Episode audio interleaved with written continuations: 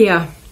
Nagyon remélem, hogy a mai videóval nem csak az ünnepeket igyekszem segíteni békésé tenni, vagy békésebbé tenni, hanem talán hosszú távra is tudok egy tippet adni annak érdekében, hogy a vitákat, viták ne torkoljanak a veszekedésben, hanem szépen békésen tudjátok meg beszélni azokat a helyzeteket, amiben nem értetek egyet.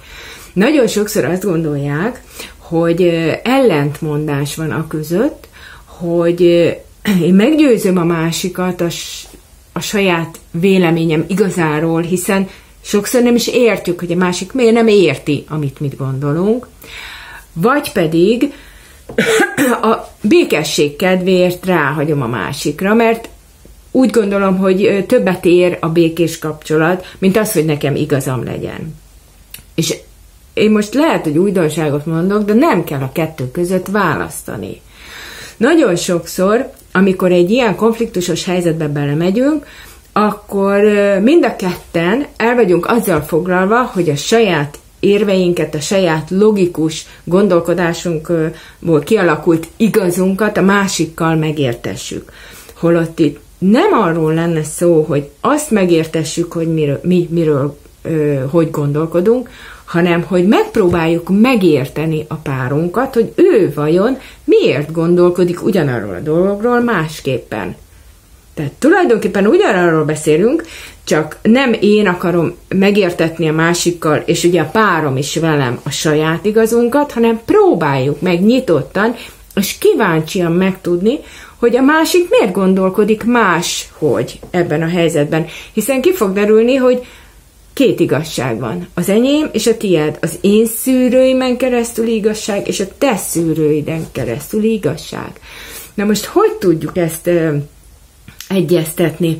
Én adok neked néhány tippet, hogy miket kérdezhetsz meg, hiszen úgy derül ki, hogy a, párod miért gondolkodik egy dologról máshol, hogy megpróbálod megtudni kérdésekkel.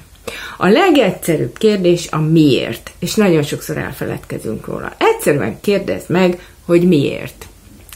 Kérdezd meg, hogy miért gondolod azt, hogy. Vagy a következő kérdés, hogy érted azt, hogy? És mind ugyanaz, de valamelyik csak be fog ugrani.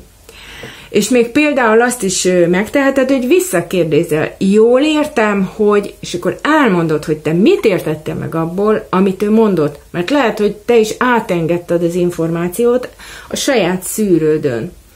De most ilyenkor nagyon sokszor kiderül az, majd figyeld meg, hogy nem is gondolkodtok máshogy, vagy nem gondolkodtok annyira nagyon máshogy, hogyha tényleg megértitek a másiknak a miértjeit.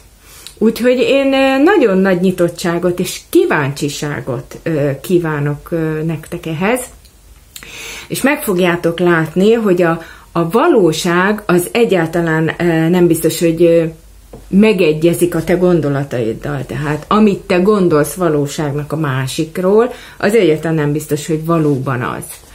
Úgyhogy én szeretném, hogy hosszú távon is ezt a kvázi vitakultúrát be tudjátok vezetni, és mindig megtaláljátok azt a közös megoldást, ami mind a kettőtöknek jó egy adott szituációban.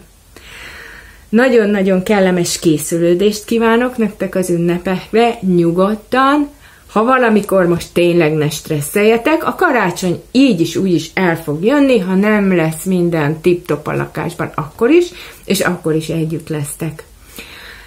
Még hétfőn utoljára bejelentkezem egy kis meglepetéssel, és nagyon sokan azt hiszik, hogy az én férjem olyan, mint a Kalambó felesége, de hát ő tényleg egy nagyon introvertált ö, ö, személyiség, és hát nem nagyon szeret ö, sehol megjelenni, úgyhogy most hétfőn azért egy kicsit lehull a lepel a családomról, és mindannyian szeretnénk majd nektek egy nagyon kellemes ünnepet kívánni, addig pedig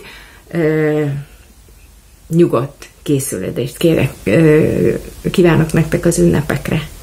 Szia!